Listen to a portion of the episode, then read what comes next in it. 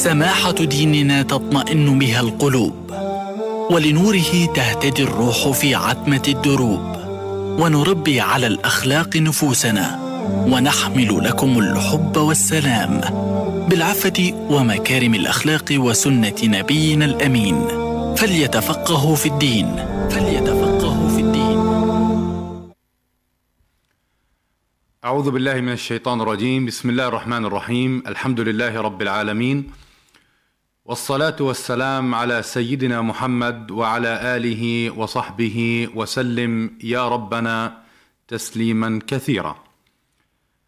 أسعد الله أوقاتكم بكل خير. مستمعون ومتابعون أينما كنتم؟ حياكم الله في هذه الحلقة الجديدة من برنامجكم الأسبوعي ليتفقهوا في الدين. الذي يبث عبر راديو الشباب 98.2 من غزة. نستعرض في هذا البرنامج مجموعة من الموضوعات الدينية التي تعزز بناء الشخصية الإسلامية وفق كتاب الله سبحانه وتعالى وسنة النبي صلى الله عليه وسلم. ونستفيد من تجارب أمتنا الصالحين من السلف والخلف تعزيزا لبناء هذه الشخصية المباركة.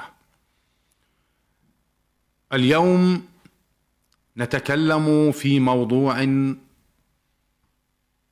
من الموضوعات الدينية التي لا بد منها في حياة كل مسلم. إنها تعظيم الله سبحانه وتعالى. تعظيم الله تعالى مفتاح كل خير. نعم هو مفتاح كل خير. من خيري الدنيا والآخرة. إن الله سبحانه وبحمده سمى نفسه العظيم.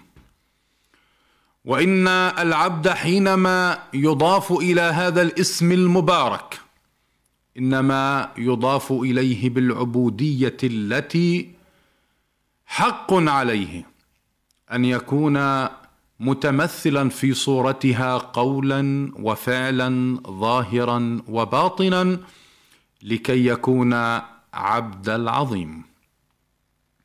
وإن تعظيم الله سبحانه وتعالى هو أصل العبادة وهو أصل حقيقتها. كما أن الله سبحانه وتعالى أمر بتعظيم ذاته العلية. فقال فسبح باسم ربك العظيم. إذ إن العظمة الكاملة لا تتحقق إلا لله سبحانه وتعالى. ومن ينازع الله عز وجل في شيء من هذا الكبرياء وهذا التعظيم فجزاؤه جهنم. إذ إن الله سبحانه وتعالى قال في الحديث القدسي قال الكبرياء ردائي والعظمة إزاري فمن نازعني واحدا منهما قذفته في النار والعياذ بالله تعالى. والله تعالى عظيم في ذاته وعظيم في أسمائه وعظيم في صفاته وعظيم في ملكه وعظيم في سلطانه وعظيم فيما خلق من المخلوقات فكل شيء في السماوات أو في الأرض. خلقه الله عز وجل إنما يدل على عظمة الخالق سبحانه وتعالى.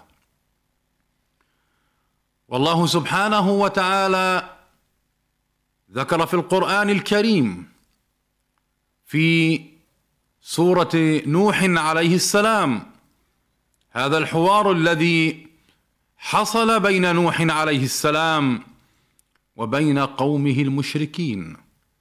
لما رأى كفرهم وجحودهم قال لهم ما لكم لا ترجون لله وقارا. أي إن توقير الله تعالى هو تعظيم المولى سبحانه وهو الدافع إلى الإيمان وإلى العمل الصالح على المستوى الفردي وعلى المستوى الجماعي. تعظيم الله سبحانه وبحمده مفتاح كل خير للإنسان بصفته الإنسان بالصفة الفردية وللإنسان بصفته الجماعية. حتى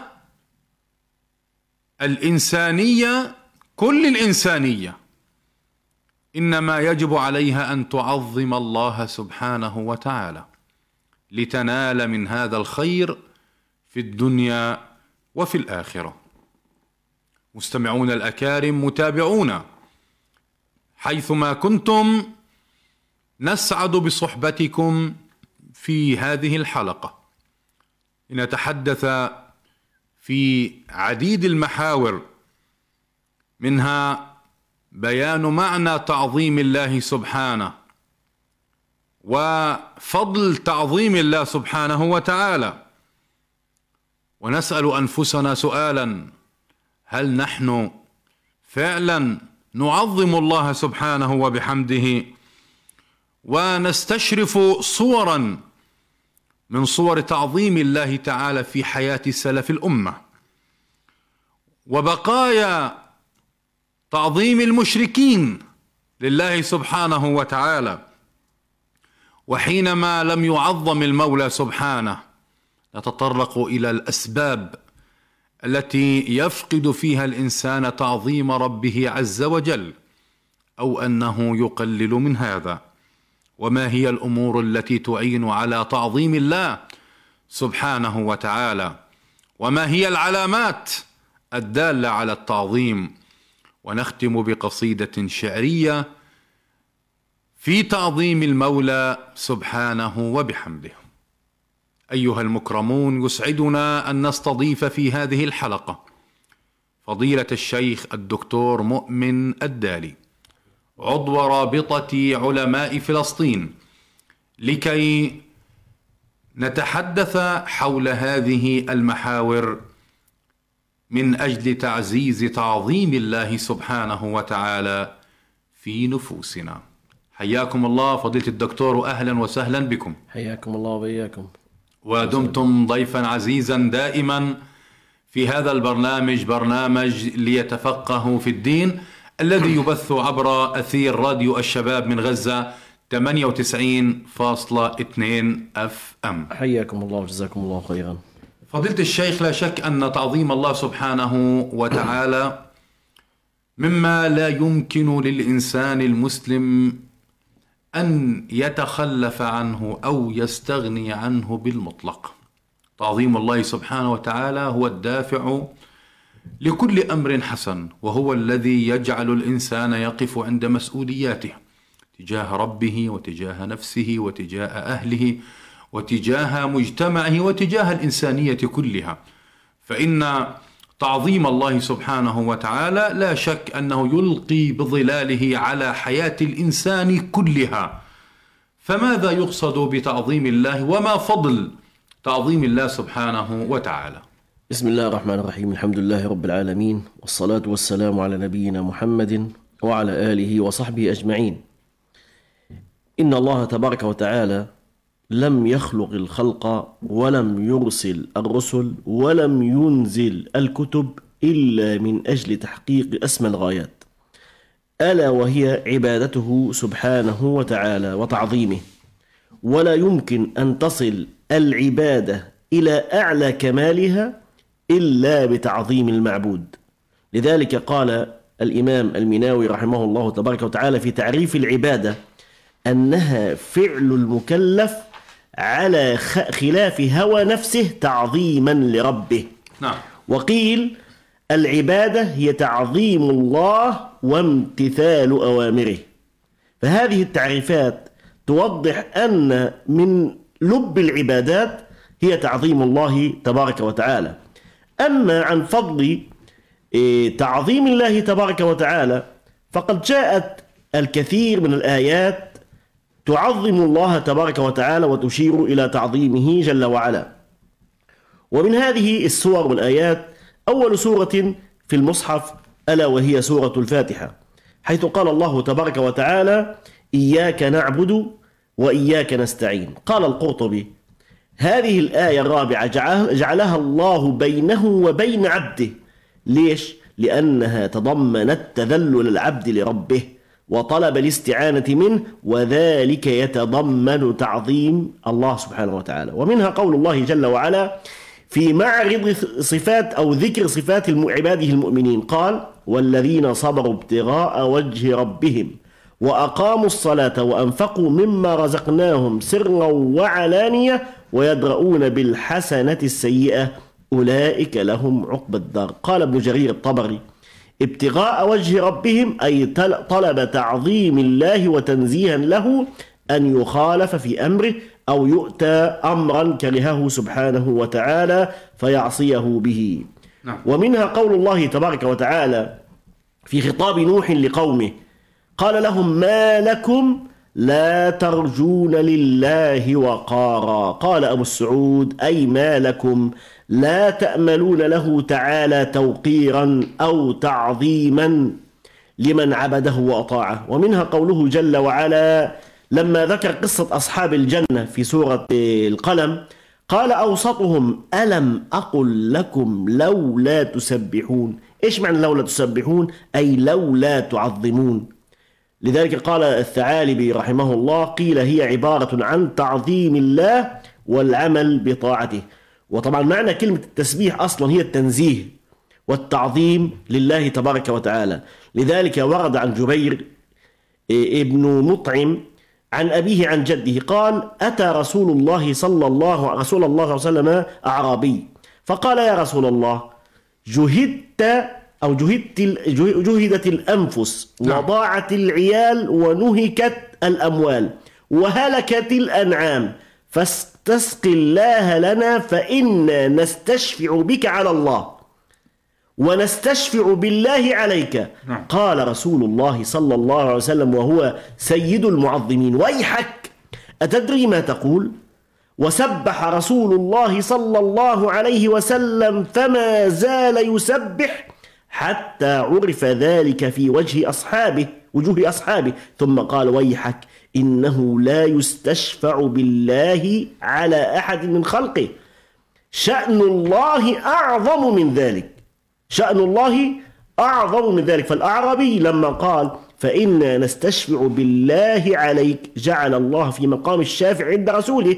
وهذا تنقيص من قدره جل وعلا. ولهذا سبح الرسول صلى الله عليه وسلم ونبه الأعرابي إلى هذا الخطأ الفادح. نعم. حين قال ويحك أتدري ما الله؟ إن شأن الله أعظم من ذلك.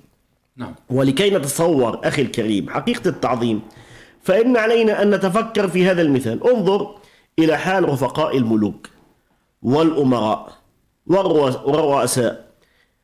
تمام؟ طبعا إلا ما رحم ربك. لا يستطيع أحد أن يرد لهذا الملك أو لهذا الرئيس أمرا ولا أن يرتكب نهيا حتى وإن كان هذا الأمر والنهي يضره في بدنه أو ماله أو أهله. وعندما نسأله عن سر هذه الطاعة نجد تعظيمه لهذا الرئيس وهذا هو السبب الحقيقي لهذه الطاعة. إذا فالتعظيم يولد في النفس الخوف من المعظم. ولهذا ما فتئ علماء الأمة يجتهدون في تذكير الناس بمسألة تعظيم الله تبارك وتعالى وتوحيده. جيد فضيلة الدكتور الآن على الشاشة آه، تبث هذه المشاهد آه، التي يعني هي نتاج آه، الزلازل والارتدادات التي أصابت يعني إخواننا المسلمين وأبناء الشعب التركي والشعب السوري. في صورة تبين يعني شيئا من عظمة الله سبحانه وتعالى في قدرته على فعل ما يريد. فالله تعالى على كل شيء آه، قدير. وآخر ما ختمت به هذا المحور الحديث عن تخويف الناس من الله سبحانه وتعالى إن هم عصوا ربهم سبحانه وبحمده. ماذا نقول أمام هذه المشاهد؟ وهذه الأحداث الجلل التي أصابت الناس في تركيا وفي سوريا في بيان تعظيم الله عظمة الخالق سبحانه وتعالى وقدرته على فعل ما يريد. آه سبحان أليست الله. هذه رسالة الله. للإنسانية. ها هذه الآيات اللي تحدث يعني تدل على قدرة الله تبارك وتعالى المطلقة. هل يستطيع أحد ممن أوتي علما وقوة وفهما وكل ما أوتي من قوة أن يمنع مثل هذه هذا الزلزال؟ لا لا يستطيع. أبدا لا يستطيع. هذه الآيات دليل على عظمة الله جل وعلا وأنه لا راد لحكمه ولا راد لقضائه جل وعلا. نعم. وسبحان الله يعني هذه هذه الآيات اللي تظهر كل فترة وأخرى. طب إحنا عندنا آيات تظهر كل يوم. الشمس والقمر والنجوم والكواكب والبحار والأنهار والمحيطات وحتى نفس الإنسان. كل هذه المخلوقات تدل على عظمة الله تبارك وتعالى. وهذه الآيات هي تذكير بوجود خالق عظيم وهو الله تبارك وتعالى وهو قادر سبحانه وتعالى. لذلك لما نتذكر قول الله تبارك وتعالى إن الله على كل شيء قدير لا نستطيع أن ننكر أي شيء مما جاء من عند الله تبارك وتعالى ونسلم بحكم الله وقضائه وقدره. آمنت بالله العظيم نسأل يعني الله هذه- يرحم هؤلاء الشهداء و- اللهم آمين. يعني من الشهداء إن شاء الله. في هذا ال- ال- المقام ونحن ننظر إلى شيء من آثار قدرة الله سبحانه وتعالى وعظمته في فعل ما يريد سبحانه وبحمده وفق مشيئته ووفق حكمته وإرادته في هذه المناطق المنكوبة التي تعرضت لهذه الفاجعة من قدر الله سبحانه وتعالى. ف لا يسعنا إلا أن نستحضر أن الله سبحانه وتعالى على كل شيء قدير وأن الإنسان إذا كان في يقيم على معصية فلا بد له أن يبادر إلى التوبة. لله سبحانه وتعالى وأن الإنسان لا يدري متى تكون قيامته. أفي صباح أم في ظهر أم في عشية أم في ليل وهو مستيقظ وهو نائم. وقد خرج الناس في هذه الأماكن التي تعرضت للزلازل والارتدادات. خرج الناس كخروج الناس في يوم القيامة. يوم آه، تدك الأرض دكا. فنسأل الله سبحانه وتعالى لنا وللمسلمين وللإنسانية كلها العفو آه، والعافية أمام آه، الحديث عن تعظيم الله سبحانه وتعالى هل نحن نعظم الله فعلا أم أن الأمر يحتاج إلى بيان يحتاج إلى توجيه يحتاج إلى ترشيد من أجل أن نعزز تعظيمه سبحانه وتعالى في قلوبنا ويكون له. الأثر في حياتنا أم أننا يعني نحتاج إلى توضيح وبيان هذا أكثر؟ سبحان الله هو السؤال يعني ال- ال- ال- المهم. نعم. هل نحن معظمون لله تبارك وتعالى؟ الإجابة عن هذا التساؤل لابد أن ننظر إلى حالنا. نعم. عند الإقدام على فعل طاعة من الطاعات هل نؤديها رغبة ورهبة وخوفا وطمعا؟ نعم. أم أن الطاعة أصبحت عادة من العادات؟ نعملها كل يوم دون استشعار الهدف من أدائها. وهل المرأة مثلا عندما تلبس الحجاب الشرعي تلبسه لأنه شرع من عند الله تبارك وتعالى أم أنه تراث وتقاليد؟ كذلك ننظر إلى حالنا عند فعل المعصية. هل نحس كأننا تحت أصل جبل يكاد أن يسقط على رؤوسنا؟ أم كذبابة وقعت على أنف أحدنا فقال بها هكذا؟ كذلك لننظر إلى حالنا أثناء الصلاة. والقيام لرب العالمين. هل نستشعر عظمة الله تبارك وتعالى وعظمة من نقابل؟ هل نستشعر ذلك؟ هذا أمر مهم. يعني شعور الإنسان بعظمة الله تبارك وتعالى. هل نفعل حين نرتكب؟ إنسان معصية هل يظن ينظر إلى من عصى؟ كذلك حين ين- يرتكب الإنسان ظلم على إخوانه أو يرتكب إيه، أو يسكت على ظلم يعني أحيانا تكون بعض ال- العقوبات من الله تبارك وتعالى لسكوتهم عن ظلم الظالمين. فكم من الشعوب ظلمت والعالم لم يحرك ساكنا كما هو الحال في فلسطين. نحن نظلم من أكثر من خمسين عاما نظلم والعالم يسكت. العالم يسكت. فلذلك من تعظيم الله تبارك وتعالى تعظيم حرمات المؤمنين. أن نصرة المظلوم هذا من تعظيم الله نعم. تبارك وتعالى. جميل جدا فضيلة الشيخ. يعني ال... نستحضر في هذا المقام آه، قول الله سبحانه آه، وتعالى ألم تروا أن الله سخر لكم ما في السماوات وما في الأرض وأسبغ عليكم نعمه ظاهرا وباطنا؟ أفبالباطل يؤمنون وبنعمة الله هم آه، يكفرون. وقال وأسبغ عليكم نعمه ظاهرة وباطنة. ومن الناس مع هذه النعم الدالة على عظمة الخالق سبحانه وتعالى ومن الناس من يجادل في الله بغير علم ولا هدى ولا كتاب منير. وإذا قيل لهم اتبعوا ما أنزل الله قالوا بل نتبع ما وجدنا عليه آباءنا أو لو كان أباء أو لو, أو لو كان الشيطان يدعوهم إلى عذاب السعير. أمام هذه الآيات العظيمة فهم الصح السلف الأمة فهموا معنى تعظيم الله سبحانه وتعالى وعظموا الله في نفوسهم. هذا إبراهيم عليه السلام مثلا في أثناء المحاجة التي حصلت بينه وبين النمروذ ابن كنعان وسطر القرآن الكريم هذه المحاجة. ألم تر إلى الذي حاج إبراهيم في ربه أن أن آتاه الله الملك. إذ قال إبراهيم ربي الذي يحيي ويميت. قال أنا أحيي وأميت. هذا يعني النموذ ابن ابن كنعان يحدثه إبراهيم عليه السلام عن آية من آيات الله الدالة على عظمة الله والتي لا بد أن يعظم الله سبحانه وتعالى أمامها وهي قضية الموت والإحياء. فظن هذا الساذج هذا الكافر الجاحد النمرود ابن كنعان أن القضية بيده. فجاء باثنين من الأسرى فقتل واحدا وأبقى الآخر قال أمت هذا وأبقيت هذا. في هذه الحال إبراهيم عليه السلام أخذه إلى إلى مجال لا يمكن معه يعني المحاجة في إلا في سياق الجحود والبهتان. فقال إبراهيم عليه السلام فإن الله يأتي بالشمس من المشرق فأتي بها من المغرب.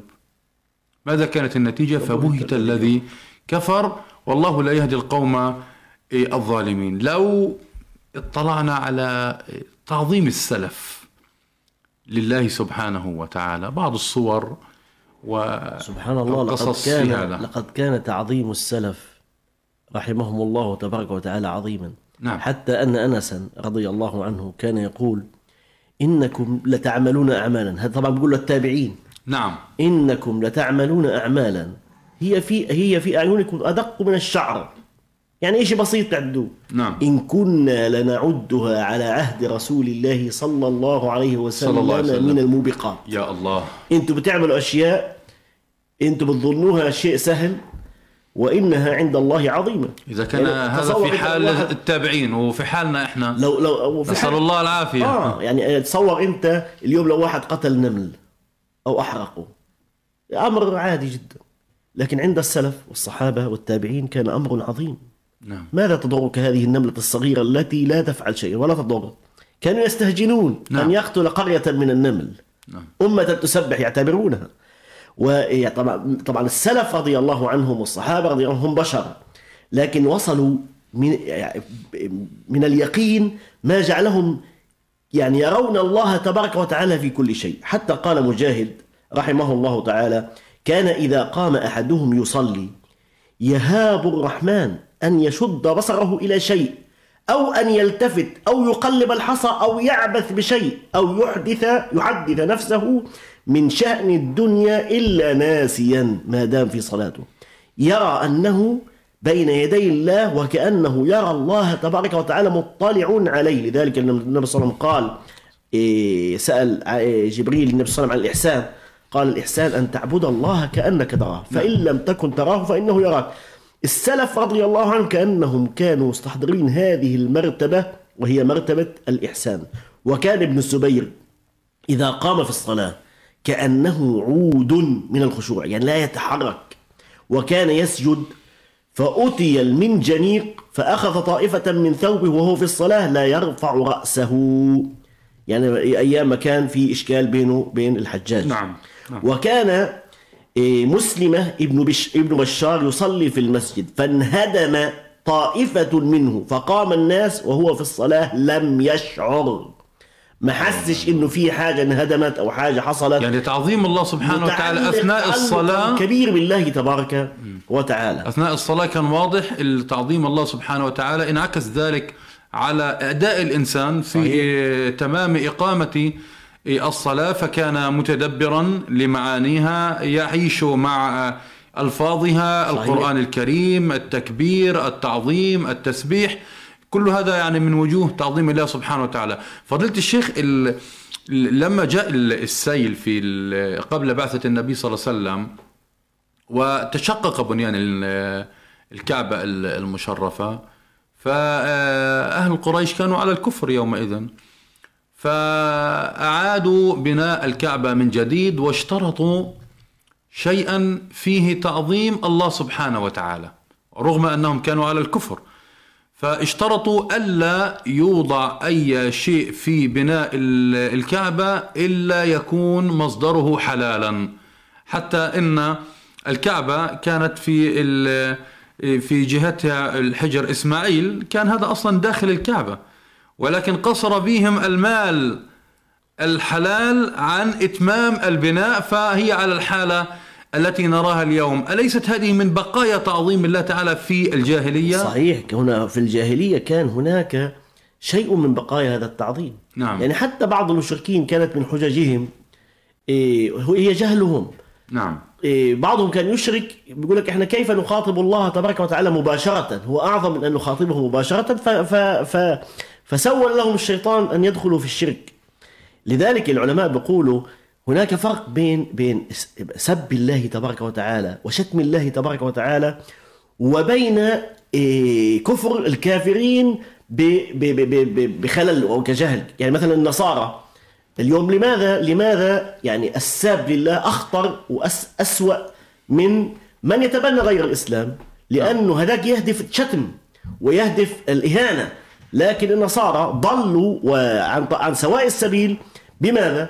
بالتعظيم الزائد الذي جعلهم يعظمون عيسى عليه السلام فيجعلونه ابنا لله تبارك وتعالى لذلك ال- ال- الذي يسب الله تبارك وتعالى ويشتم الله تبارك وتعالى هو أسوأ من إيه، ممن يتبنى غير الإسلام إيه، ليش؟ لأنه هؤلاء لم يقصدوا الشتم والسب وإن كان هو نهايته كذلك لذلك الشاتم لله تبارك الساب لله تبارك وتعالى أعظم من المشرك الذي يشرك بدون سب أو شتم لله تبارك وتعالى طبعا في- في الجاهلية كان هناك بقايا من التعظيم من ذلك قصة عتبة ابن ربيعة حينما قرأ عليه رسول الله صلى الله عليه وسلم فواتح سورة فصلت نعم. فلما بلغ قوله تعالى فإن أعرضوا فقل أنذرتكم صاعقة مثل صاعقة عاد وثمود نعم.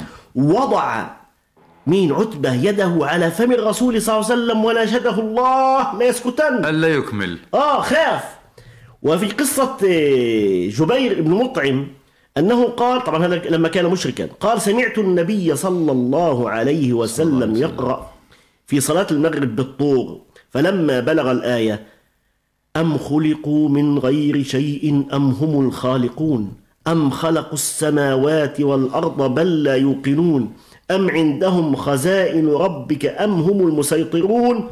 إيش بقول؟ كاد قلبي أن يطير. لا هو كان. مشركا. نعم. وكان النبي صلى الله عليه وسلم عند الكعبة وحوله صناديق قريش فقرأ عليهم سورة النجم. فلما وصل إلى السجدة في آخر السورة سجد فسجدوا معه. فهذه الشواهد تدل على أن كفار قريش رغم كفرهم وإشراكهم كان عندهم بقايا من تعظيم الله تبارك وتعالى. لذلك قال شيخ الإسلام ابن تيمية والمشركون ما كانوا ينكرون عبادة الله وتعظيم ولكن كانوا يعبدون معه آلهة أخرى. لذلك أخي الكريم إن عدم تعظيم الله في القلوب سيسأل عنه كل فرد منا فلا بد للعبد أن يحاسب نفسه ويحاسب سلوكه تجاه ربه تبارك وتعالى. جميل. فضيلة الشيخ ال- يعني أنا أستحضر في هذا المقام آه، حديثا آه، نبويا أخرجه الإمام آه، مسلم في صحيحه عن أبي ذر رضي الله عنه قال قال رسول الله صلى الله عليه وسلم قال الله تبارك وتعالى يعني حديث القدسي يا عبادي إني حرمت الظلم على نفسي. سأذكر الحديث وهذا الحديث في باب تعظيم الله سبحانه وتعالى الذي سيبنى عليه إن شاء الله المحور القادم قال الله تعالى في القدسي يا عبادي إني حرمت الظلم على نفسي وجعلته بينكم محرما فلا تظالموا. يا عبادي كلكم ضال إلا من هديت فاستهدوني أهدكم. يا عبادي كلكم جائع إلا من أطعمته فاستطعموني أطعمكم. يا عبادي كلكم عار إلا من كسوته فاستكسوني أكسكم.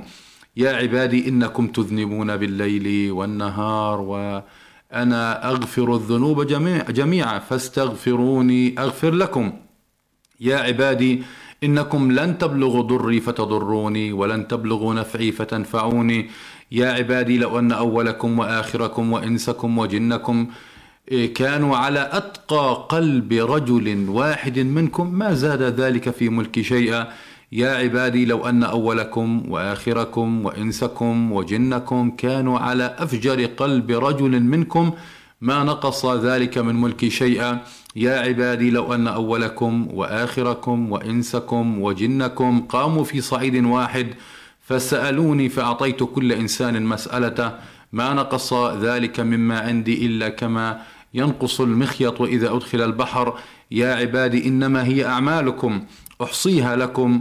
ثم أوفيكم إياها فمن وجد خيرا فليحمد الله ومن وجد غير ذلك فلا يلومن إلا نفسه. ومع هذه المعاني العظيمة التي تجلت في هذا الحديث وأن الله سبحانه وتعالى الأنفس كلها والنفس الواحدة عنده سواء في الخلق وفي الرعاية والتدبير وفي الإماتة كلها كنفس واحدة وأن الله سبحانه وتعالى عنده خزائن السماوات والأرض ويده ملأى سبحانه وبحمده إلا أن بعض الناس والكثير من الخلق وحتى من المسلمين لا يعظمون الله سبحانه وتعالى. والدليل أننا نقع في الحرام والدليل أن من المسلمين من يقع في الكبائر والدليل أن من المسلمين من يعتدي من يحرم من يبطش من ينم من يغتاب من من؟ لماذا؟ سبحان الله وأنت تتكلم يعني أتذكر قول الله تبارك وتعالى إيه وإن تعدوا نعمة الله لا تحصوها. تصور أن الله سبحانه وتعالى هؤلاء الذين يعصونه من عظمته جل وعلا أنه يطعمهم ويسقيهم نعم. ويرحمهم ويعطيهم. يعني تصور أنه اليوم في الخلق لو أن إنسان أسأت إليه لا يعطيك بل نعم. يمنعك. لكن سبحان الله عظمة الله تبارك وتعالى ليس فقط بالخوف منه بل بمحبته سبحانه وتعالى.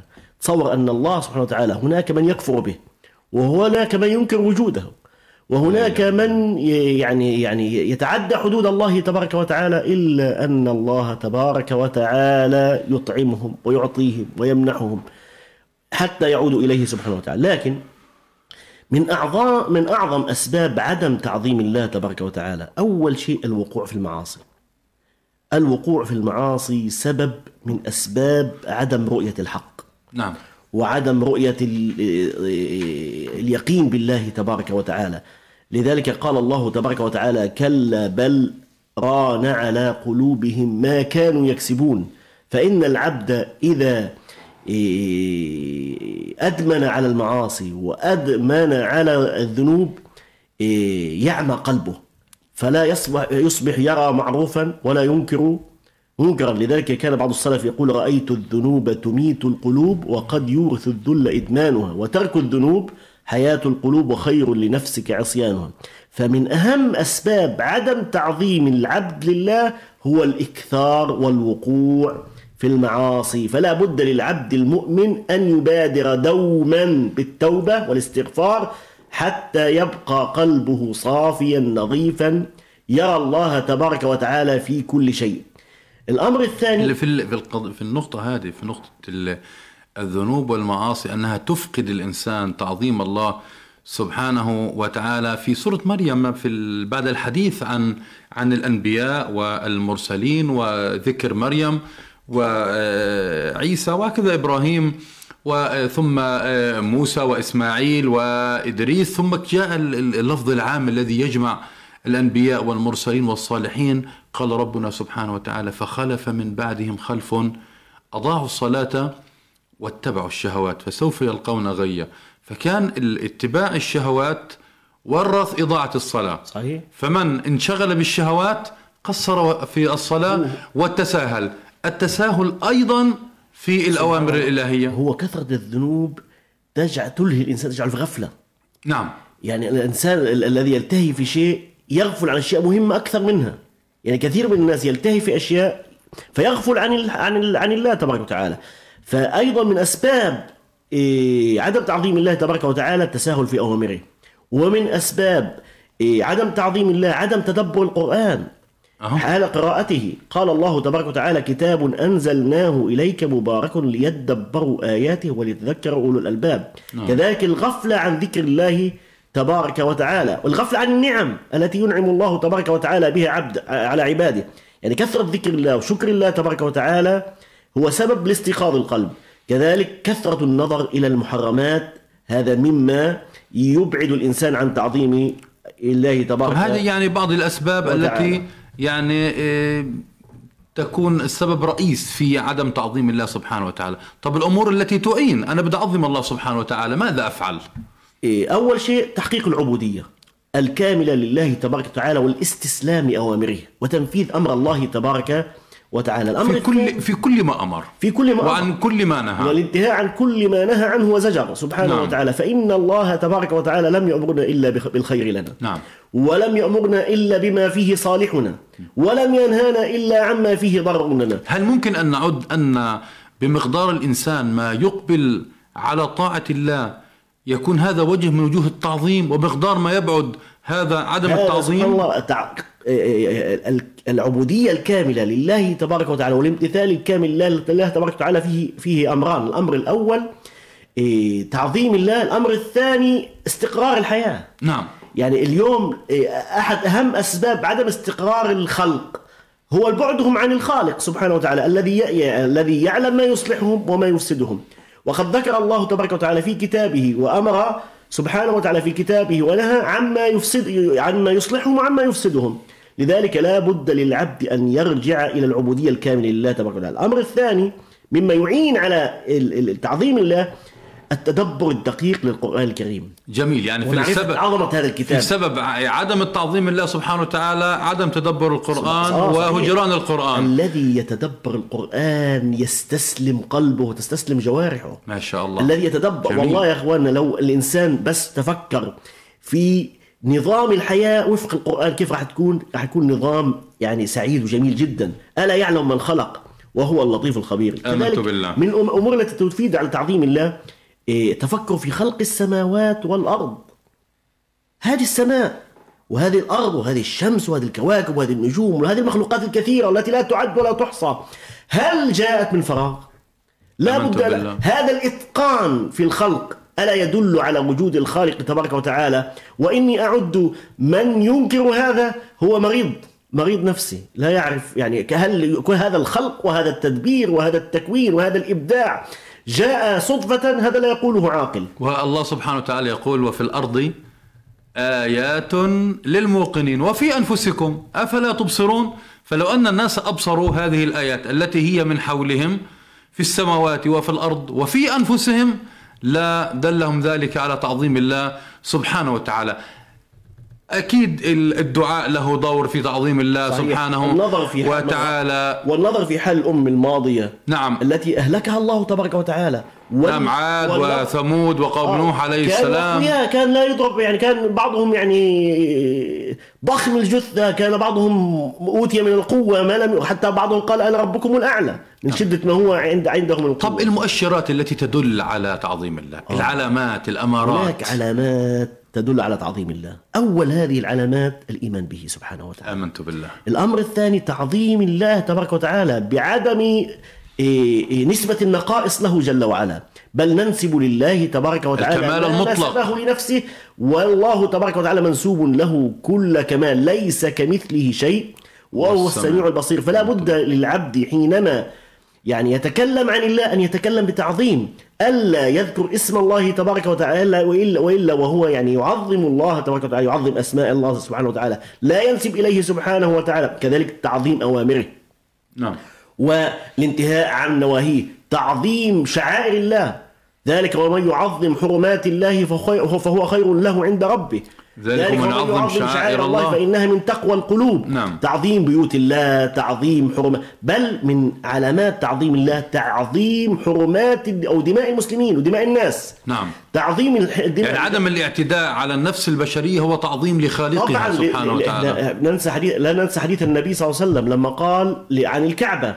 نعم. والله إنك أعظم حرمة وإن دم المؤمن أعظم عند الله منك. الله أكبر. لذلك من تعظيم حرمات الله تعظيم إيه، دماء المسلمين دماء الناس تعظيم إيه، الأعراض تعظيم إيه، أموال الناس عدم كذلك من علامات تعظيم الله تبارك وتعالى هو تذكره في كل حين. هل من قول نختم به هذه الحلقة في تعظيم كلام الله في تعظيم الله سبحانه وتعالى؟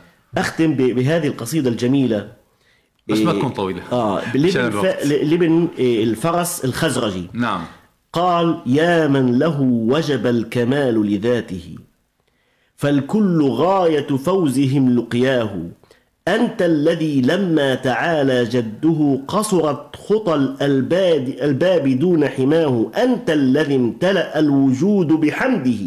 لما غدا ملآن من نعماه. أنت الذي خلق الوجود بأسره. من بين أعلاه إلى أدناه.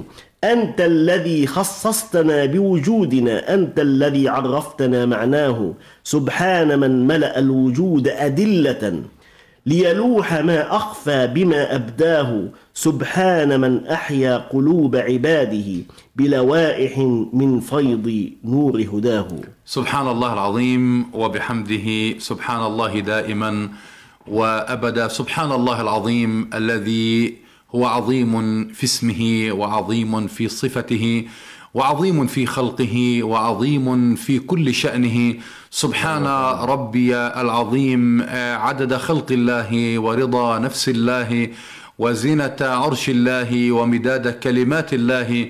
سبحانه وتعالى متابعونا متابعو راديو الشباب من غزة 98.2 سعدنا بصحبتكم ومتابعتكم واستماعكم لهذه الحلقة المباركة من برنامجكم الأسبوعي ليتفقهوا في الدين حيث تحدثنا وفضيلة الدكتور مؤمن الدالي عضو رابطة علماء فلسطين عن تعظيم الله سبحانه وتعالى وأنه فعلا هو مفتاح كل خير. سعدتم وسعدت أوقاتكم بكل خير على عهدنا معكم يوم الثلاثاء القادم بإذن الله سبحانه وتعالى في الساعة الثانية ظهرا. وهذا محدثكم دكتور محمد كمال سالم يبرق لكم التحايا العاطرة. والسلام عليكم ورحمة الله تعالى وبركاته. سماحة ديننا تطمئن بها القلوب. ولنوره تهتدي الروح في عتمة الدروب. ونربي على الأخلاق نفوسنا. ونحمل لكم الحب والسلام. بالعفة ومكارم الأخلاق وسنة نبينا الأمين. فليتفقهوا في الدين. فليتفقهوا